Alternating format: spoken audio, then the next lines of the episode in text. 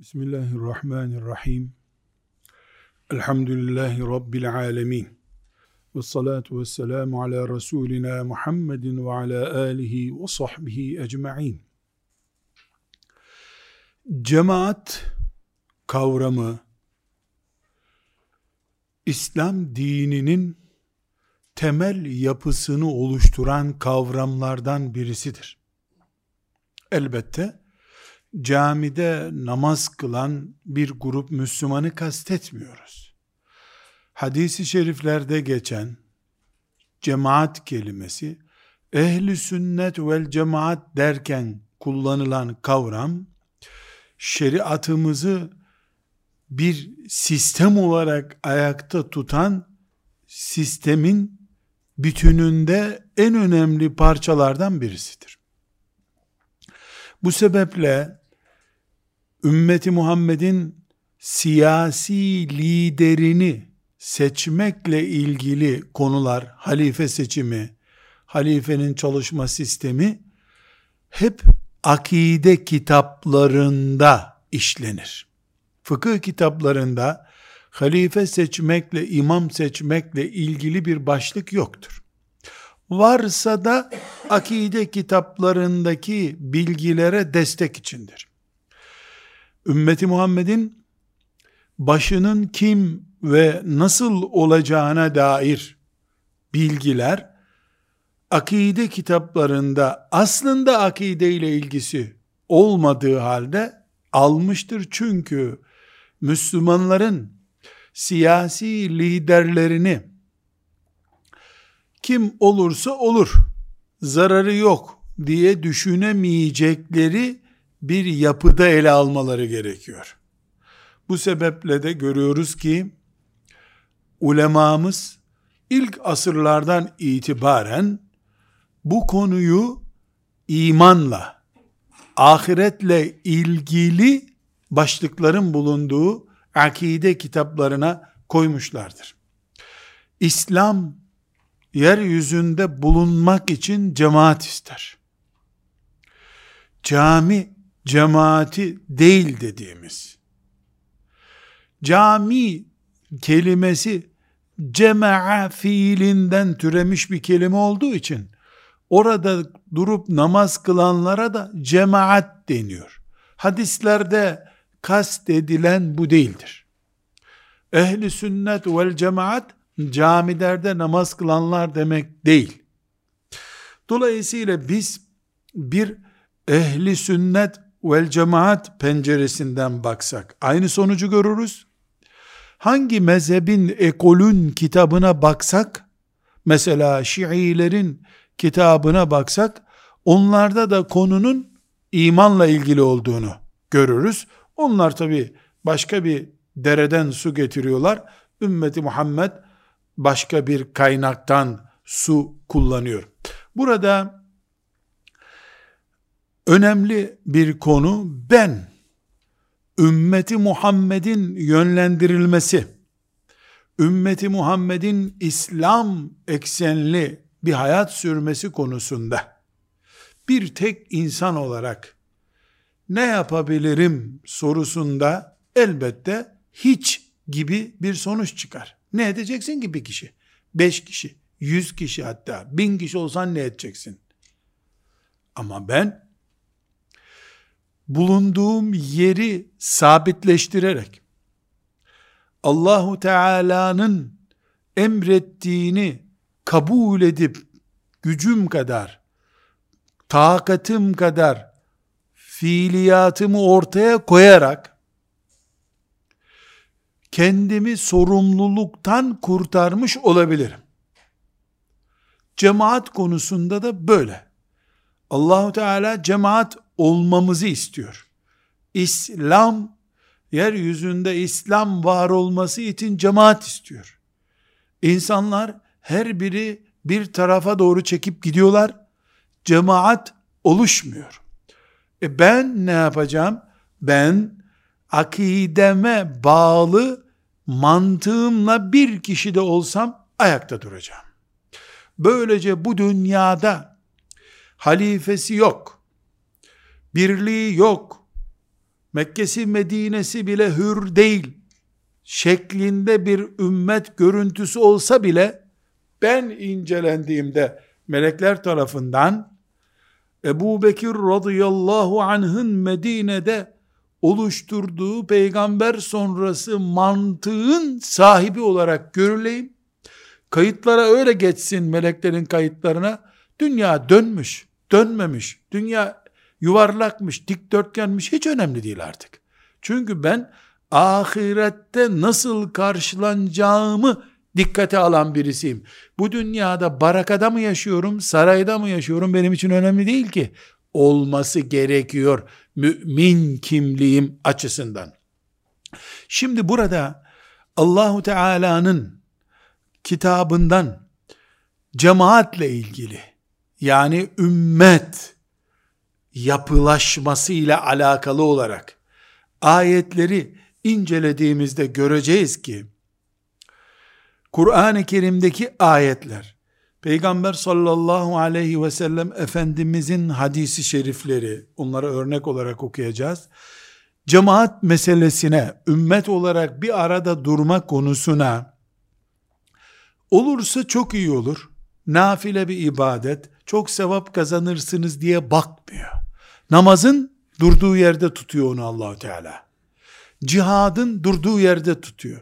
E namazı ve cihadı sıfıra yakın rakamlara indirgemişse Müslüman zaten söyleyecek bir söz yok.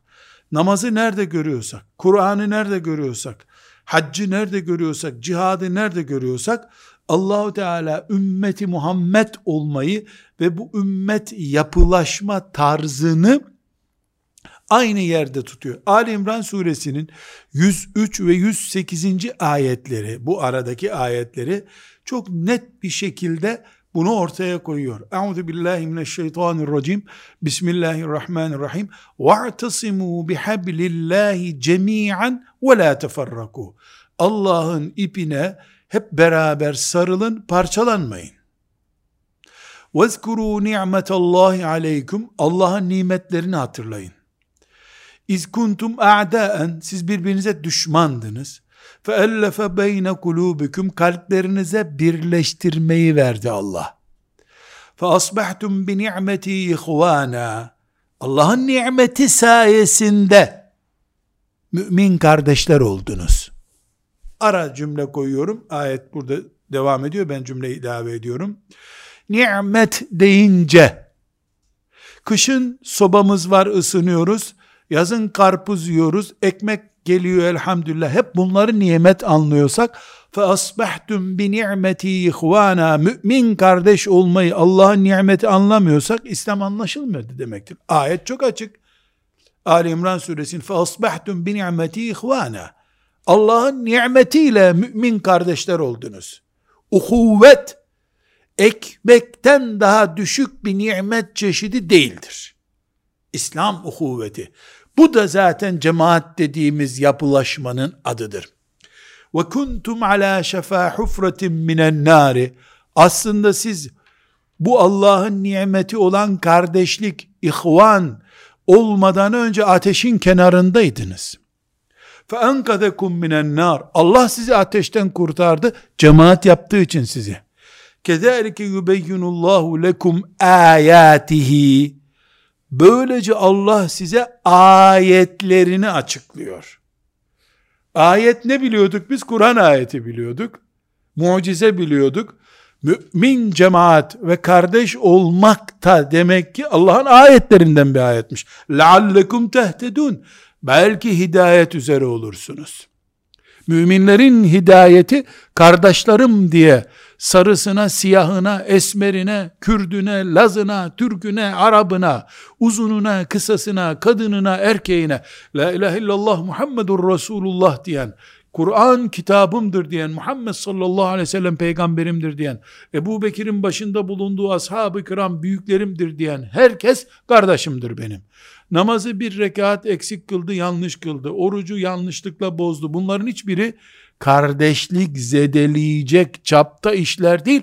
Alkol kullandı, filan partiye oy verdi, şu ayeti yanlış anladı. Bunlar da kardeşliği zedeleyecek şeyler değil. لَعَلَّكُمْ تَهْتَدُونَ Hidayeti Allah kardeşliği canlı tutmaya bağlıyor çünkü.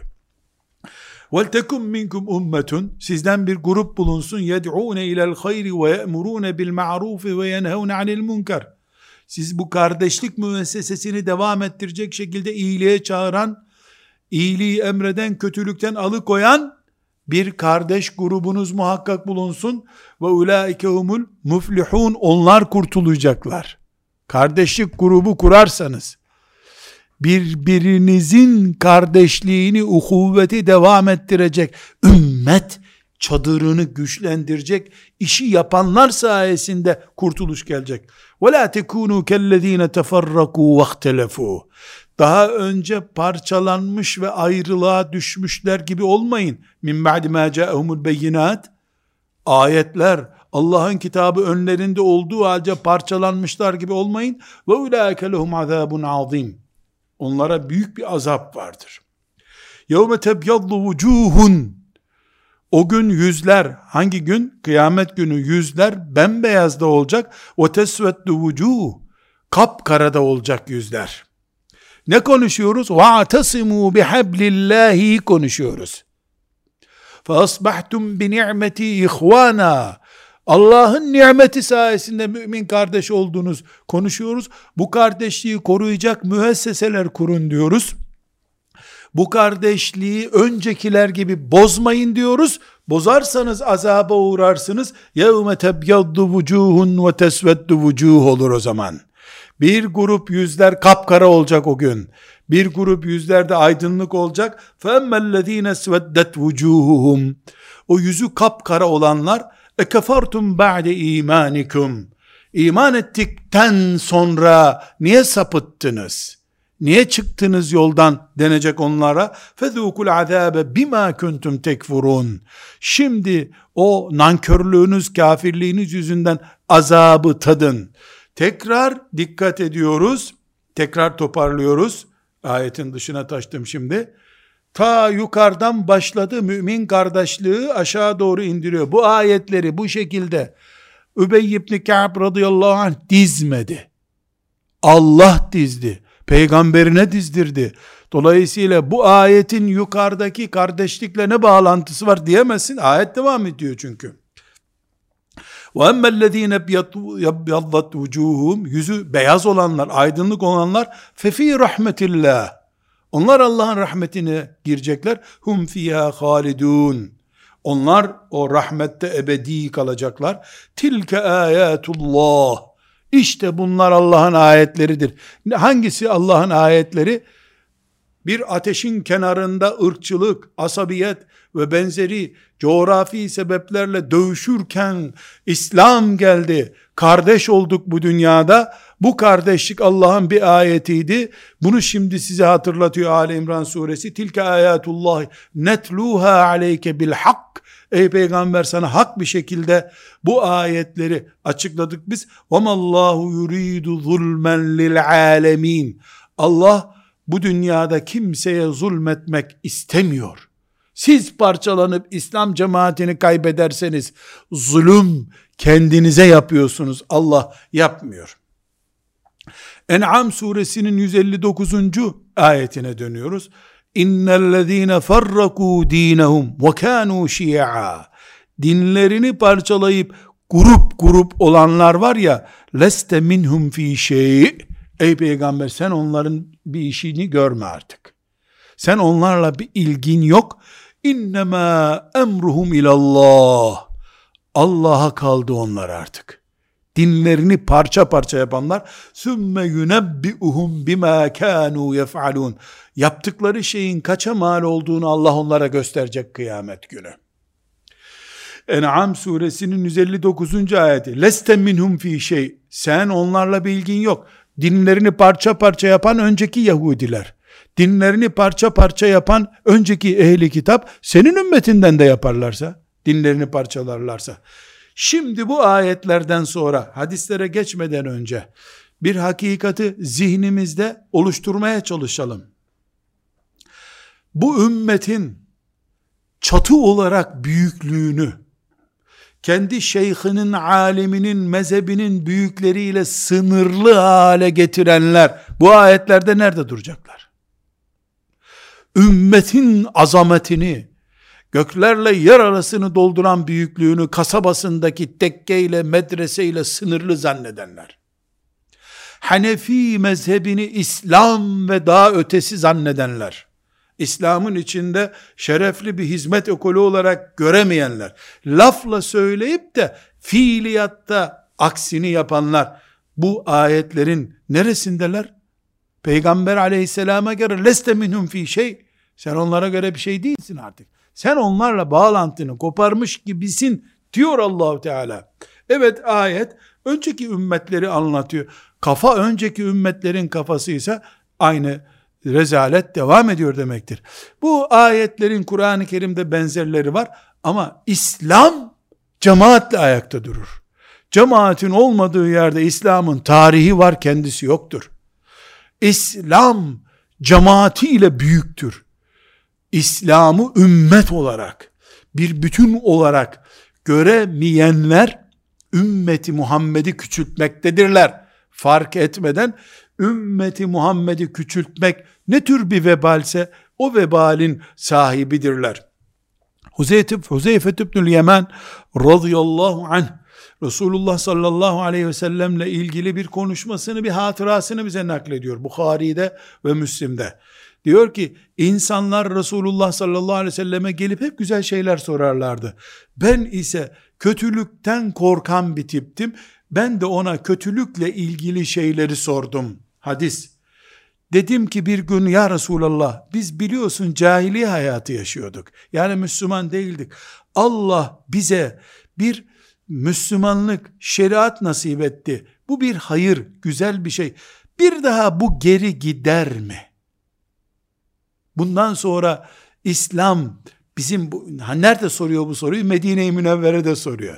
Muhakkak böyle hurma yedikleri, serin su içtikleri tatlı bir yerde soruyor mahzun bir anda sormuyordur Efendimiz'e sallallahu aleyhi ve sellem. Efendimiz sallallahu aleyhi ve sellem buyurmuş ki evet bu güzel günlerden sonra dumanlı günler gelecek. Ne demek duman ya Resulallah demiş. Benim çizdiğim çizginin dışında sistemlerin oluşturulması demek. Göreceksiniz, anlayacaksınız kötülükleri. Dumanlı günler bu. Peki ya Resulallah bu günden daha kötüsü de olur mu? Hani dumanlı ne demek? Gene hayat devam ediyor, İslam gene devam ediyor. Gönül kırıcı şeyler var sadece. Bundan da kötüsü olur mu ya Resulallah? Evet olur. O da cehenneme çağıran liderlerin olduğu günlerdir. Cehenneme çağıranların olduğu günler gelecek. Ya Resulallah kim bunlar? Kim bizi cehenneme çağırabilir? Ümmeti Muhammed olarak buyurmuş ki onları size tarif edeyim mi? Onlar sizin gibi insanlar sizin konuştuğunuz dili konuşacaklar. Buyurmuş ki sallallahu aleyhi ve sellem e, bunlar sizin gibiler yani içinizden çıkacak. İçinizden çıkacak. Min cildetine Bizim soyumuzdan, tipimizden onlar. İthal değil. O zaman ne yapayım ya Resulallah öyle bir güne rastlarsam demiş Huzeyfe. Buyurmuş ki telzemu cemaatel muslimine ve imamehum. Müslümanların cemaatine uy, imamlarına tabi ol. Burada şimdi zirveye çıktık. Cemaat diyor sallallahu aleyhi ve sellem. Tekrar ediyorum cami cemaati değil. Biraz sonra göreceğiz kimi kastettiğini cemaatle. Demiş ki Huzeyfe radıyallahu anh, diyelim ki ya Resulallah bir cemaatleri yok, bir liderleri yok, herkes grup grup olmuş, ben ne yapayım o zaman? Huzeyfe radıyallahu anh bu günleri görmedi. Ama Allah onu bizim adımıza konuşturdu. Biz gördük. Huzeyfe de başımızın tacı olunca radıyallahu anh biz söylemiş biz cevap almış gibi olduk. Ya Resulallah herkes kendi başının çaresine bakar bir durum olursa ne yapayım?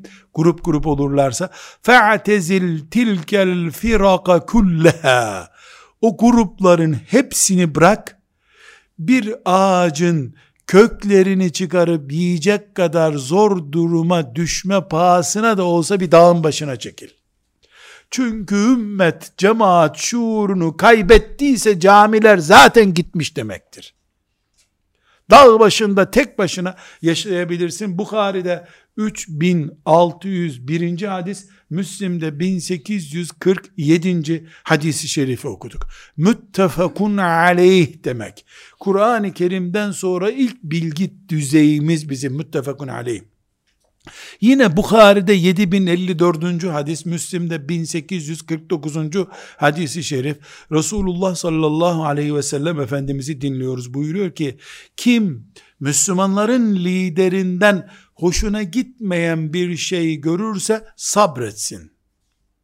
Çünkü Müslümanların cemaatini bir karış bırakan, bir karış bırakıp giden cahiliye üzerine ölür.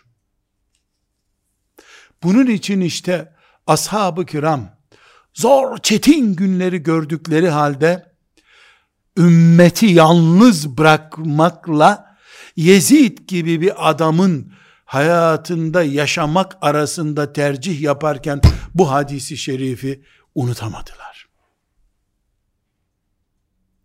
Halid bin Zeyd radıyallahu anh Ebu Eyyub el Ensari gibi bir insanı öyle bir adamın komutasında İstanbul'a getirten de odur. Bu ruhtur. Tirmizi'de 2165. hadisi şerif Aleykum bil cema'a ve iyyakum vel furqa Size cemaatte olmanızı emrediyorum. Sakın bölünmeyin. Çünkü şeytan bir kişi ile beraberdir. İki kişiden biraz da uzaktır. Yani mümkünse iki kişi olun. İki kişi olun. Kim cennetin tam ortasında görmek istiyorsa kendisini cemaatle olsun. Hadisi şerif. Burada Resulullah sallallahu aleyhi ve sellemin bu manayı dolaylı ve farklı bir şekilde ifade eden en az 20 tane daha hadis-i şerifi var. Dersimiz hadis dersi değil, özünü bu hadislerden aldık. Kur'an açıkça beraber olacaksınız diyor. Bütün farklılıklara rağmen beraber olacaksınız. Kelimeyi tevhidliler bir arada olacak. Gruplar, ülkeler veya etnik yapılar bölmeyecek ümmeti. Farklılığa rağmen beraber olmak Allah'ın emridir. Ashab-ı kiram Allah onlardan razı olsun farklı farklıydılar. Bugünkü bizdeki gruplaşmaların muadilleri mesela anlaşılsın diye örnek veriyorum. Biz Selefi kime diyorsak şimdi yaşam tarzı ve Amerikancılık manasında değil.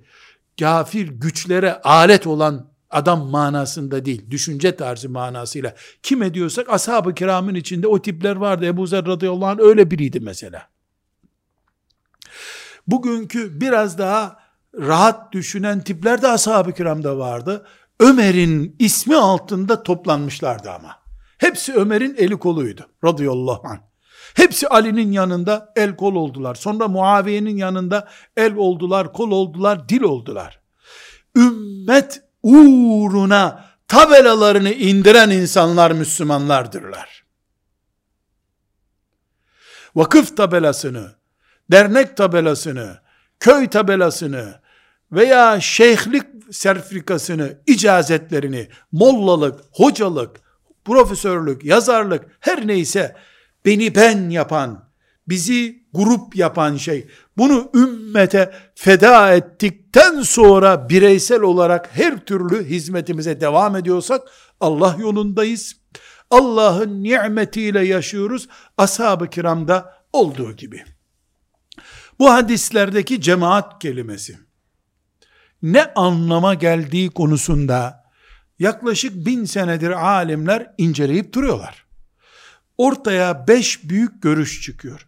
Birincisi cemaat ümmeti Muhammed'in büyük yapısının adıdır. Kimdir büyük yapı? Allah diyen Muhammed sallallahu aleyhi ve sellem diyen, Kur'an diyen, ashab-ı kiram diyen temel dinamiğimizde haccımız aynı, Kur'an'ımız aynı, namazımız aynı. Teravihi biri 8 rekat kılıyor, biri 12 rekat kılıyor, biri 20 rekat kılıyor. Bunu konuşmuyor. Bu ümmet farklılığı getirmiyor. Namaz, mezhep ve amel farklılığı getiriyor. İtikadımız aynı. Ebu Bekir'e sövmediğin sürece radıyallahu anh, Ömer'e hakaret etmediğin sürece, Ali'yi basit görmediğin sürece, ümmetin imamı Allah'ın arsanı gördüğün sürece, sen ümmeti Muhammed'sin diyoruz. Bu büyük çatıya sevadı azam deniyor. Birincisi ümmet bu demektir. Biraz daha açarsak halk kitlesinin ümmet midir, haç amca mıdır, vatandaş mıdır ayıramayacağı için bunu temsil edecek yapı alimler yapısıdır. Yani bu büyük sevadı azam dediğimiz organizasyonu alimler temsil ederler aslında. Dolayısıyla alimlerdir bu ümmeti Muhammed'in cemaati. Çünkü Müslümanlar alimlerinin peşindedirler. Alimleri bir araya getirince köy kahvesinde oturan ya da öğle namazını caminin önünde bekleyen insanlar başka bir tarafa gidecek hali yok. Ümmetin alimleri, alim koltuklarını işgal edenler, ümmeti Muhammed'e ruh vermesi gereken büyükler, tasavvuf önderleri, tarikat büyükleri, yazarlar, çizerler, bir yöne gittikleri için insanlar bir yöne gidiyorlar, parçalanıyorlar veya dağılıyorlar ya da birleşiyorlar. Dolayısıyla ümmeti Muhammed'in cemaati kimdir? Alimlerdir deyince bu anlam çıkıyor. Üçüncü olarak denmiş ki ashab-ı kiram bu ümmetin ön tekeridir. Onlar nereye gidiyorsa biz oraya gidiyoruz. Ashab-ı kiramın gittiği çizgiden gitmeyen, onun açtığı izde yürümeyen insanlar tekerin kopmuş şeklidirler. Dolayısıyla onlar bizim konvoyumuzda değiller. Binaenaleyh ashab-ı kiramdır cemaat dedik mi yine aynı sözü ifade etmiş oluruz. Dördüncü olarak da ümmeti Muhammed mesela istiklal cihadı diye birleştiğinde orada ümmeti Muhammed'in görüntüsü var demektir. Ümmeti Muhammed mesela hac konusunda bin bir e, işkenceyle, farklılıkla vesaireyle engellenemediği halde Arafat'ta toplandı 3 milyon. Bütün dünya ırklarından, bütün yörelerden vesaire coğrafyalardan, tam kıtalar ötesinde ümmet o işte. Ümmet odur. Bir çeşit daha anlayabiliriz. Ümmeti Muhammed'in büyük liderlerinden biri Selahaddin örneğinde olduğu gibi ümmeti çatısı altında toplamış. Halbuki filan yerde başka bir devlet vardı. Öbür tarafta Fatimiler vardı vesaire vardı ama silahının gücüyle, aklıyla, zekasıyla ümmeti cihat meydanında bir araya getirdi. Bir şahıs etrafında da birleştiğinde orada da cemaat vardır. Bütün dünya Müslümanları bu beşinci ekolde o liderin etrafında en azından ona ruhi destek vererek en azından gönül bağlılığı göstererek bir arada durmak zorundadırlar. Ümmet odur, cemaat o gün odur. Veyahut da işte Arafat'ta birleşme pozisyonu ya bir liderin etrafında, beşinci şık, dördüncü şık, bir olayın etrafında, bir konunun etrafında toplanıyorlar. Tıpkı Kabe namaz ekseninde bizi birleştirdiğinde namaz ümmetimizin görüntüsüdür. Dediğimiz gibi bir görüntü ortaya çıkıyor. Özet olarak diyebiliriz ki cemaat ümmeti Muhammed'in toplu görüntü verdiği düşünce veya siyasi yapının adıdır. Ümmeti Muhammed budur. Dolayısıyla ümmeti Muhammed'i kitaplarda filan aramıyoruz biz. Nerede arıyoruz? Olayların karşısında dünyada ki batılın karşısında bir arada duran güç olarak anlıyoruz. Ashab-ı kiram öyleydiler. Ümmete alim olmuş insanlar öyle olmak zorundalar. Aksi takdirde biz içinde bulunduğumuz İslam gemisini delen korsanlar oluruz. Hem bu geminin yolcularıyız, hem bu gemiyi döleriz. Geminin içinde küçük bir gemicik yapmaya kalktığımız zaman ya da ümmeti Muhammed'in bir fırtınada kullanacağı can kurtaran sandallarını kendi gemimiz yapıp başkalarını dışladığımız zaman ümmet dünyadaki mevcut binlerce etnik yapının, binlerce dilin ve yüzlerce rengin, kıtalar ötesinin birleştiği simgenin adıdır. Anadolu'da bir köy ümmeti temsil edemez. Ümmetten bir şerefli parça olur. Mısır'da bir köy ümmeti Muhammed değildir. Ümmeti Muhammed'den bir şerefli parçadır. Mekke'den başka ahenkli bir etrafında döneceğimiz Kabe'nin bulunduğu bir yer yok. Medine'den başka başımızın sabit olduğu bir yer yok. Bu şekilde düşünmek zorundayız. Burada bu anlayışı, şu bahsettiğimiz anlayışı Ömer radıyallahu anh Darimi'nin rivayet ettiği bir hadiste çok müthiş bir şekilde özetliyor. Allah ondan razı olsun. Onun gibi ümmeti bir arada tutan büyük bir lideri görmeden ruhumuzu bu dünyada almasın diye dua ediyorum. Diyor ki la İslame illa bi cemaatin ve la cemaate illa bi imaratin ve la imarate illa bi taatin. Cemaatsiz İslam olamaz. Lidersiz de cemaat olamaz. İtaat edilmeyince de lider çıkmaz. Büyük bir nefis terbiyesini ümmeti Muhammed oluşturma güzergahını çiziyor burada Ömer radıyallahu anh. Herkes itaat etmeye, satılmaya değil, itaat etmeye hazır olacak. Bir lider bulunacak, o liderin etrafında cemaat olacak. Aksi takdirde cemaat misyonlu gruplar bulunur ama bunlar İslam'ın cemaati olmazlar. İslam'ın cemaat rengini kullanan tüketiciler olurlar. Tükettikleri şey de İslam'ın gücüdür. İslam'ın geleceğidir. Ümmeti Muhammed'in yeryüzüne yayılma mücadelesini gevşettiğimiz enerjidir. Bu sebeple biz ümmeti Muhammed, ümmeti Muhammed'in cemaati derken içinde alkol kullananlarının hatta inkar etmeden bulaştıkları faizin hatta zinaya bulaşmışların da bulunduğu alimlerin, mürşitlerin, takva insanların da bulunduğu bu büyük kitleye bu ismi veriyoruz. Bu büyük kitleden biz 50 kişi bir kenara çekilip kimse yok bari kendimiz duralım deriz ama o büyük çatı biziz diyemeyiz dediğimiz an anahtarları iblise teslim etmiş oluruz. Bugünkü konuma gelindiğinde yani bugünkü halimize geldiğimizde çaremiz nedir sorusuna şimdi gelmiyorum. Onu ileriki başka derslerde gündem yapacağız inşallah. Ama önce cemaati bir ruh olarak tanımamız gerekiyor. Efendimiz sallallahu aleyhi ve sellemin Huzeyfe'ye bahsettiği şeyde ne çıkıyor ortaya? Adı halife mi? Adı reis mi? Adı kral mı? Adı padişah mı? Adı Hakan mı? Bununla uğraşmıyoruz. Ümmet için mi var? Kur'an tek kaynak mı?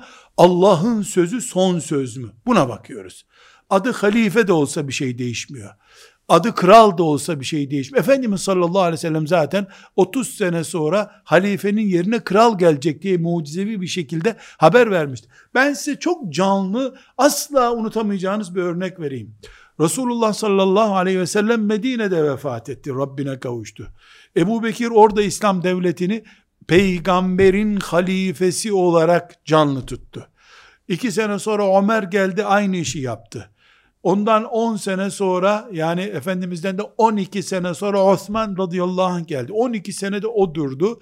24 buçuk sene Resulullah sallallahu aleyhi ve sellemin hicret diyarı Medine İslam devletinin merkezi oldu. Ali radıyallahu anh bu merkezi büyük bir kurultayda toplamadan yani neredeyse kendi başına karar verip Küfe'ye taşıdı bir tek sahabi İslam devletini Resulullah Medine'de kurdu. İlk üç halifemiz Medine'de yaşattı. Sen bunu Küfe'ye taşıyamazsın diye tek bir cümle söyleyen olmadı. Ali'ye söylenemezdi diye bir şey yok. Başka konularda Ali'nin karşısına dikildiler. Ama kimse bir itiraz etmedi. Neden? Çok önemli bu neden. Çünkü o gün yaşayan ashab-ı kiramın derdi başkent neresi? Halife mi diyeceğiz, emirül müminin mi diyeceğiz, padişah mı diyeceğiz, Hakan mı? Bunlar önemli değil ki. Allah'ın kitabı yürüyor mu? Namaz kılınıyor mu? Küfre meydan okunuyor mu? Buna baktılar. Bunlar hepsi ister Medine'de devam etsin, ister Küfe'de devam etsin. Bir daha da Medine-i Münevvere İslam devletinin merkezi olamadı ondan sonra. Biz bizim gibi uç noktalara takılanlar zamanında olsaydı alimallah bunun için büyük mitingler yapardık. Ali radıyallahu anh'ın da önünü keserdik. Peygamber davasına hıyanettir bu. Çünkü biz sembollere takılıp kalıyoruz. Ali radıyallahu anh ve onun adamları, ashab-ı kiramın o güne kalmış yiğitleri meselenin özüyle ilgilendiler. Ali bu devleti Sibirya'ya taşısaydı gene bir şey demeyeceklerdi ona. Hiçbir şey demeyeceklerdi. Nitekim başka bir sahabi Muaviye Küfe'den aldı Şam'a taşıdı. Gene kimse bir şey demedi. Tabi'inlerin küçük çocuklarının bulunduğu dönemde Bağdat'a taşındı. Gene bir şey denmedi. Tabi o tabi'in döneminde Bağdat'taydı. Kimse bir şey demedi. Ya mühim olan ezan nerede okunuyor? Eyyuma beledin zükira fihi ismullahi adettu erce'ehe min lubbevtani diyor ulemamız. Nerede Allah'ın adı yüceltiliyorsa, Allahu Ekber diyorsa vatanımız orası bizim. İslam'ın merkezi de orası. Dolayısıyla adı halife mi oldu? Bu çok önemli bir ayrıntı değil. Ama burada demokrasiye geçiş de uygundur. Laiklik sistem olarak sakıncasızdır. Nauzu billah. Öyle bir batıl söz söylemiyorum ben. Hayır. Öz duruyor. Kur'an duruyor. Şeriat duruyor. E, Resulullah sallallahu aleyhi ve sellemin mehabeti duruyor. Erimemiş, dağılmamış. Kur'an-ı Kerim'in bütün emirleri yerinde. Allah bir şey söyleyince bütün ağızlar kilitleniyor. İslam'ın merkezinin Pekin olmasında bile bir sakınca yok. Pekin olmasında bile sakınca yok. Biz sembollerin etrafında dönüp durmuyoruz. Biz değerlerimizin etrafında bekçilik yapıyoruz. Değer dediğimiz şey şeriatımızdır. İslam'ımızdır. Ümmetimizdir. Ümmetimizin oluşumu olan cemaatimizdir. Aynı şekilde yani ümmeti Muhammed bütün e, İslam olan toprakların hepsinin beyat etmesi, bir arada bulunması diye bir şartla da kilitlenemez. Ali radıyallahu anh Küfe'ye İslam devletini taşıdı. Muaviye radıyallahu anh Şam'da tereddütlü bir dört sene geçirdi. Bu burada nasıl oluyor diye. Geldi gitti görüşme yapıldı vesaire. Yani İslam bir şey zarar görmedi bundan. Orada da ezan devam ediyor. Burada da devam ediyor. Bağdat İslam merkeziydi. Endülüs Bağdat'ta ki sistemle e, organik bağı olmayan farklı bir İslam merkeziydi. Kitap aynı, sünnet aynı, Maliki mezhebi aynı, Hanefi mezhebi aynı, her şey aynı. Endülüs'te bugünkü yaşam sistemini Bağdat'a, Bağdat'taki yaşam sistemini Endülüs'e WhatsApp'la gönderecekleri bir imkan yok. Arada denizler var, arada onlarca ülke var. Böyle bir dünyada oradakiler şeriatı devam ettirsin de ne olursa olsun. Yani biz İslam birliği deyince toprakları böyle mesela Akdeniz'i kurutup Türkiye ile e, Mısır'ı böyle vinçlerle filan çekip yanaştırıp böyle bir, bir birlik olacak ki İslam birliği. Bu değil. Bu çocuk oyunu oynamıyoruz biz burada. İslam birliği Allahu Ekber'in her yerde aynı şekilde Allah'a davetin her yerde aynı şekilde Kur'an hükümlerinin her yerde aynı şekilde olmasına diyoruz. Dolayısıyla biz İslam'ın sembolik birleşimlerini değil, Müslümanların gerçek birleşimlerini birleşme olarak konuşuyoruz. Bir başka mesele, mesela bir İslam liderinde yüzde yüz sahabe kalitesini arama herhangi bir saflığı veya basitliği içinde de değiliz. Ebu Bekir standartlarında oldun veya olmadın yoksun gözümüzde diyemeyiz ki. Kafir olmasın. Şeriatımızı baş tacı etsin fasıklığına son noktada razıyız. Neden? Çünkü ümmet birliği ve cemaat uğruna yapamayacağı fedakarlığı yok bu ümmetin çocukların. Kendi canını şehit etmeye hazır bir ümmetiz biz.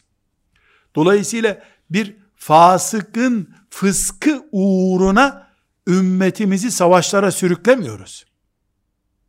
Ne yapıyoruz? Alimlerimiz, davetçilerimiz, yazarlarımız, çizerlerimiz onun fasıklığını kuşatma altına alıyorlar. Emri bil maruf yapıyorlar. Nehyanil münker yapıyorlar.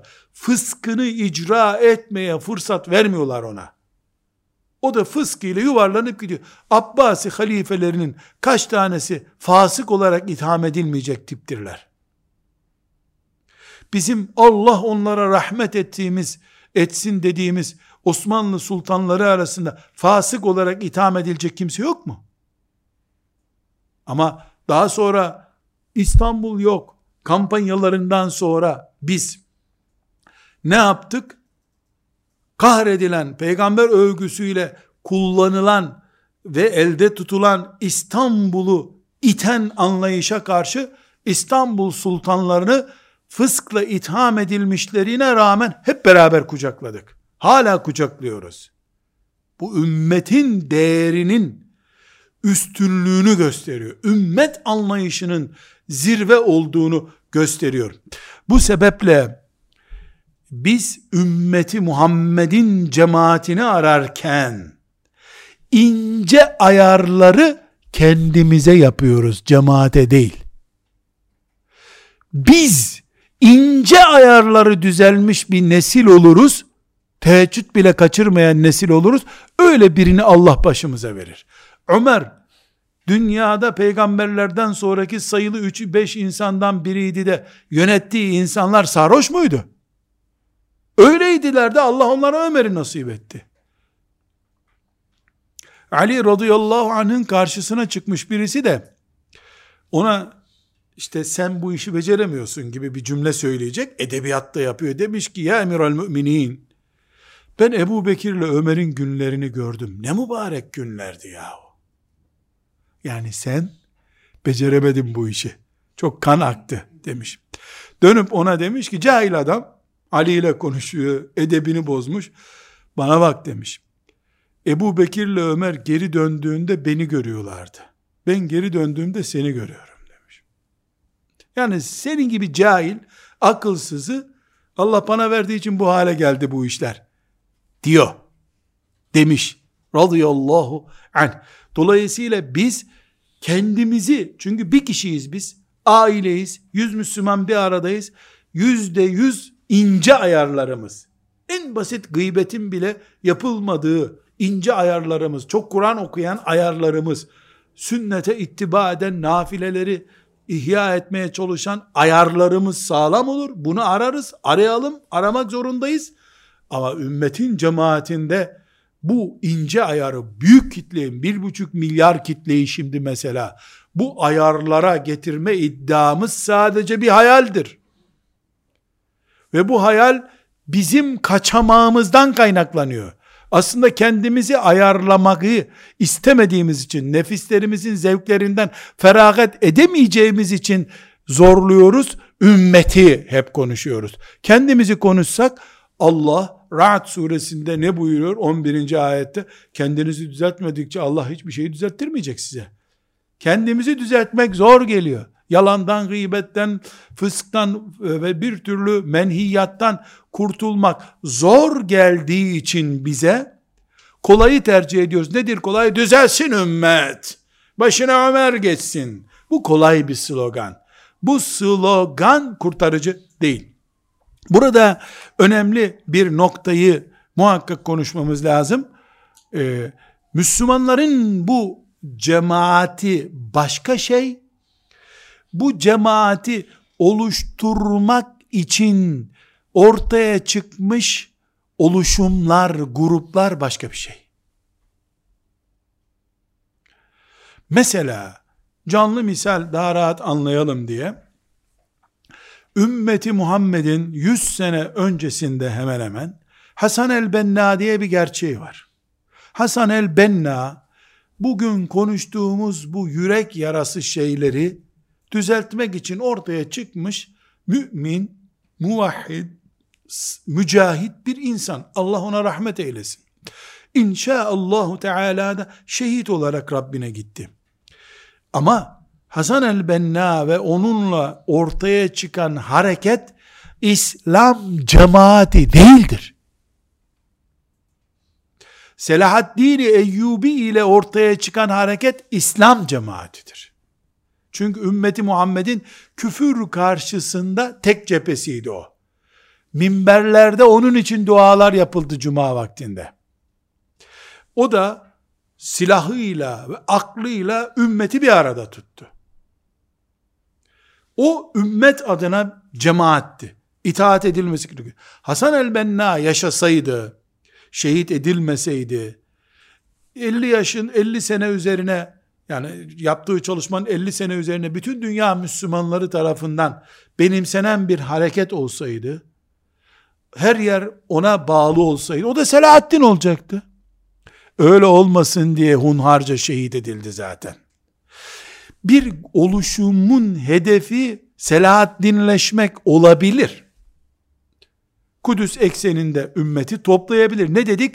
Sabit bir dava ortası etrafında ümmeti toplamak da cemaati yansıtıyor. Olabilir. O ortaya çıkana kadar boş boğazlık yok. Kuru iddia yok. Başkalarını cahil, pısırık, kafir, yanlış yolda diye uyarmak yok. Çünkü ortada büyük bir eksiklik var. Nedir o? Ümmetin cemaati yok. Bahsettiğimiz manada. Ashab-ı kiramın ön teker olarak gittiği yerden arka teker olarak gitmek olmuyor. Grup yapamıyor bunu. Bunu yapmak için filan yerde, Medine'de, İstanbul'da, Kahire'de, Sivas'ta bir yerde toplanabilir insanlar. Endonezya'da, Malezya'da toplanabilirler. E, veyahut da Kazakistan'da toplanabilir Müslümanlar.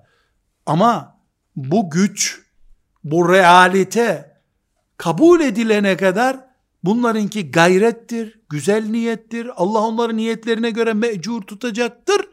Ama bizim dışımızdakiler dedikleri an zaten cemaat ruhunu yitirmişlerdir.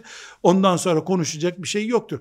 Dolayısıyla Müslümanların bu maksatla böyle ulvi maksatlarla ortaya çıkmış gayretleri, oluşumları, grupları hürmet edilmesi gereken, dualarla desteklenmesi gerekendir.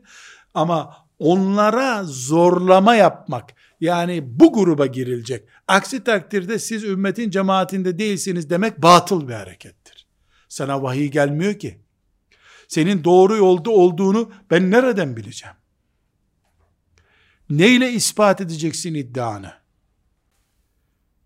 Bu Hasan el-Benna için de geçerli, başkası için de geçerli. Birinde bu hedefe yaklaşma oranı çok yüksektir, öbüründe biraz düşüktür. Önemli değil.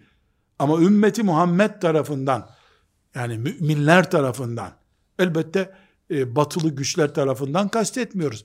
Benimseniyor olduğun zaman, senin e, Türkiye'nin, Avrupa'nın, e, Afrika'nın, Asya'nın neresinde bir Müslüman varsa, senin çalışma mekanizmana kendisini uyarlamaya çalıştığı ve bunun bir yoğunluk oluşturduğu ağır kitlesel bir harekete dönüştüğün zaman sen, güç olarak ağırlık kastediyorum, sen ümmeti Muhammed'in Selahaddin'i oldun demektir. Haçlılara karşı birleştirdiğin için bizi bir noktada birleştirmen ümmetin cemaati olmanı beraberinde getiriyor. Bu sebeple gruplaşmalar, coğrafi isimlendirmeler. Mesela Anadolu bu işin özüdür. Kim dedi Anadolu bu işin özüdür? Anadolu şerefle 6 asır bu sancağı taşımıştır. 6 asır daha taşır inşallah diye umut ederiz. Ama diğer yöreleri köreltme manasında söyleyince batıl bir söz söylemiş olursun. Bu önemli bir nokta cemaat anlayışını konuşmak için. Yine cemaat anlayışı ile ilgili söylenecek bir söz daha var. Peki bu gruplar ve benzeri çalışmalar çalıştık çalıştık çalıştık bir bütün olarak İslam toprağına ve coğrafyasına döndüğümüzde 3 milyonda bir ediyor gücümüz bizim. Bu kadar senelerdir çalışıyoruz. 3 milyonda bir ediyor. Ne açıdan söylüyorum bunu? Yani sembolik bir rakam olsun diye. Yani binde bir filan desem. Çünkü çok büyük bir parça. Mesela biz otursak halifeli bir toplum için şöyle bir çalışma yapacağız desek 500 kişi bir başlasak sonra 5000 kişi olsak bir buçuk milyarın ne kadarını yapıyoruz biz? Aslında her tarikat, her vakıf budur ya. Hangi partiyi kurarsan kur. Mesela işte Hindistan'da Müslümanlar şu kadar yüz milyonlar. Endonezya'da Müslümanlar, Malezya'da Müslümanlar çok kalabalıklar. Yani bir parti olsan orada e, Malezya'nın yüzde doksan oyunu al. Ya İslam aleminin ne kadarısın? Dünyanın ne kadarısın sen? Senin bereketin bütün İslam alemini kuşatır, onu kabul ederiz. Ama avuçlarının içine alacağını zannedemezsin. Bu bir defa strateji bilmeden, büyük laflar ederek, küçük tuzaklara düşme sonucuna getirecek seni. Bu sebeple biz böyle küçük çalışmalar yapıyoruz. E, bu, bu kuşat bir ümmeti. Bir dakika. Başta ne dedik? Ümmet açısından değeri düşük, çapı küçük işler olabilir. Benim imanımı, şeriatıma bağlılığımı, Peygamber aleyhisselamın emrine sadakatimi ispat etmesi bakımından yüzde yüzdür bu iş. Beni gerisi ilgilendirmiyor. Yani ben ekmeği bütün alıp eve götürecektim. Bütün ekmek yok. Bitti ekmekler. Sadece üç dilim ekmek var. O zaman aç kalırım diyor muyum? Bari o üç dilimi alıp götürüyorum. Bölüşüp onu yiyoruz. Bütününe ulaşamadığımızın parçasına ulaşmak zorundayız. Parçasını en azından kaybetmemek zorundayız. Bir başka meselemiz ümmeti Muhammed'in cemaati ile ilgili bu cemaat mantığı ile ilgili eğitim yapılırken bireysel eğitim unutulursa cemaat ümmeti sömüren güce dönüşür. Sadece bireysel eğitimle ilgilenilir. Abdest öğretir gibi ümmet şuuru öğretilmezse ümmetçikler oluşur bu sefer. Yine ümmet cemaati olmaz. Dolayısıyla Resulullah sallallahu aleyhi ve sellemin yaptığı gibi 13 sene bireyleri eğitti, 10 senede de cemaatini kurdu. 23 yılda da İslam devlet oldu. Dolayısıyla bizim herhangi bir şekilde namazla ümmet kavramını birbirinden apayrı parçalar gibi görmemiz mümkün değil. Bu bir cahilliktir. Allah muhafaza buyursun. Ümmeti Muhammed'i biz görmek zorundayız. Ama ümmetle uğraşıyorum diye abdestsiz namaz kılacak halim yok. Abdest eğitimimizde devam edecek. Bu bir şuur meselesidir. Yahudi bunu yapmıyor mu? İslam topraklarını kana bulayan örgütler, beline bomba bağlayıp sağa sola insan katliamına gidecek vahşileri nasıl yetiştiriyorlar? Yani sakallı sakallı, güya namaz kılan insanları katil yapıyorlar. Demek ki hem kitlesel çalışma ruhu hem bireysel eğitim bir arada tutulabilir. Bunlar olmaz şeyler değil. Şuramızı canlı tutarız. Ümmet mefhumunu ayakta tutarız. Üç gün sonra beklenecek şeyi bugün beklemeyiz. Aceleci olmayız. Ben İslam devletini görmek istiyorum. Rüyalarım bu. Hayallerim bu. Bununla mutlu olacağım. Ama benim yedinci torunum da bunu görse vallahi azim ben mutlu olurum. Halid bin Zeyd radıyallahu anh İstanbul'a geldi. Onun onuncu torunu ancak görebildi fethi. Ama ona yetti o. Kıyamet günü İstanbul'un fatihi olarak dirilecek Allah'ın izniyle ve İslam'ı kapsamıyla hayatı kuşatan gücüyle tanımak ve tanıtmak zorundayız.